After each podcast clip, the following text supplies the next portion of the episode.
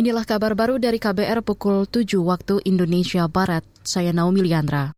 Ketua Komisi Pemberantasan Korupsi KPK, Firly Bahuri, mengklaim tak pernah menarget seseorang untuk dijadikan tersangka. Klaim itu disampaikan Firly merespon tudingan bahwa KPK menarget Sekretaris Mahkamah Agung Hasbi Hasan sebagai tersangka dugaan suap pengurusan perkara. KPK tidak pernah menjadikan seseorang sebagai target, tidak ada. Karena kalau KPK bekerja menjadikan orang target, itu pasti tidak profesional. Sementara KPK bekerja sesuai dengan azas-azas pelaksanaan tugas pokok KPK. KPK itu tidak ada target Pak, tapi dia muncul sendiri. Coba rekan-rekan maknai kembali apa yang dimaksud dengan penyidikan. Jadi nggak boleh ada target dan tidak akan pernah ada terjadi target, target, mentarget. Ketua KPK Firly Bahuri menegaskan penyidikan dilakukan berdasarkan hukum acara pidana. Kata dia, penetapan tersangka telah melalui pengumpulan keterangan dan bukti yang cukup.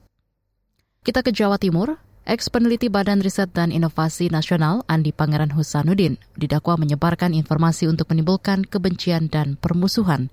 Ini terkait kasus dugaan ujaran kebencian terhadap Muhammadiyah. Dalam sidang perdana di Pengadilan Negeri Jombang kemarin, Andi didakwa dengan Undang-Undang Informasi dan Transaksi Elektronik UU ITE. Berikut keterangan jaksa penuntut umum Aldi Demas Akira usai sidang dakwaan pertama itu unsur pasalnya dengan sengaja dan tanpa hak menyebarkan informasi yang ditujukan untuk menimbulkan rasa kebencian atau permusuhan individu dan kelompok masyarakat tertentu berdasarkan atas suku, ras, agama, dan antar golongan atau sara. Untuk dakwaan yang kedua itu unsurnya adalah dengan sengaja dan tanpa hak mengirimkan informasi elektronik dan atau dokumen elektronik yang berisi ancaman kekerasan atau menakut-nakuti yang ditujukan secara pribadi.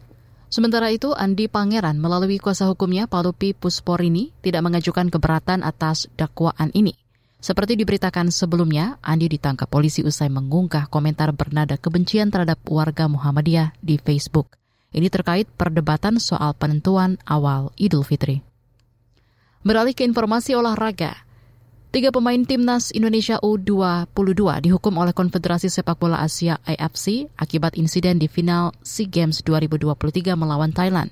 Dikutip dari Antara, pertandingan yang dimenangi tim Garuda 5-2 itu diwarnai keributan.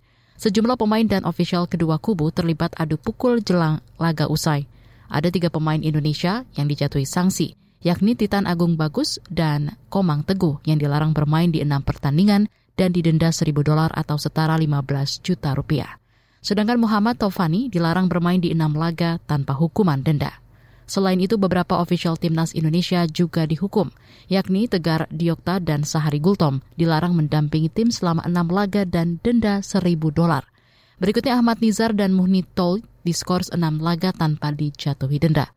Di pihak Thailand, hanya pesepak bola Soponwit Rakyat yang diskors dan dikenai denda. Namun dari official ada delapan orang yang dihukum. Selain itu, Federasi Sepak Bola Thailand dijatuhi denda 10 ribu dolar.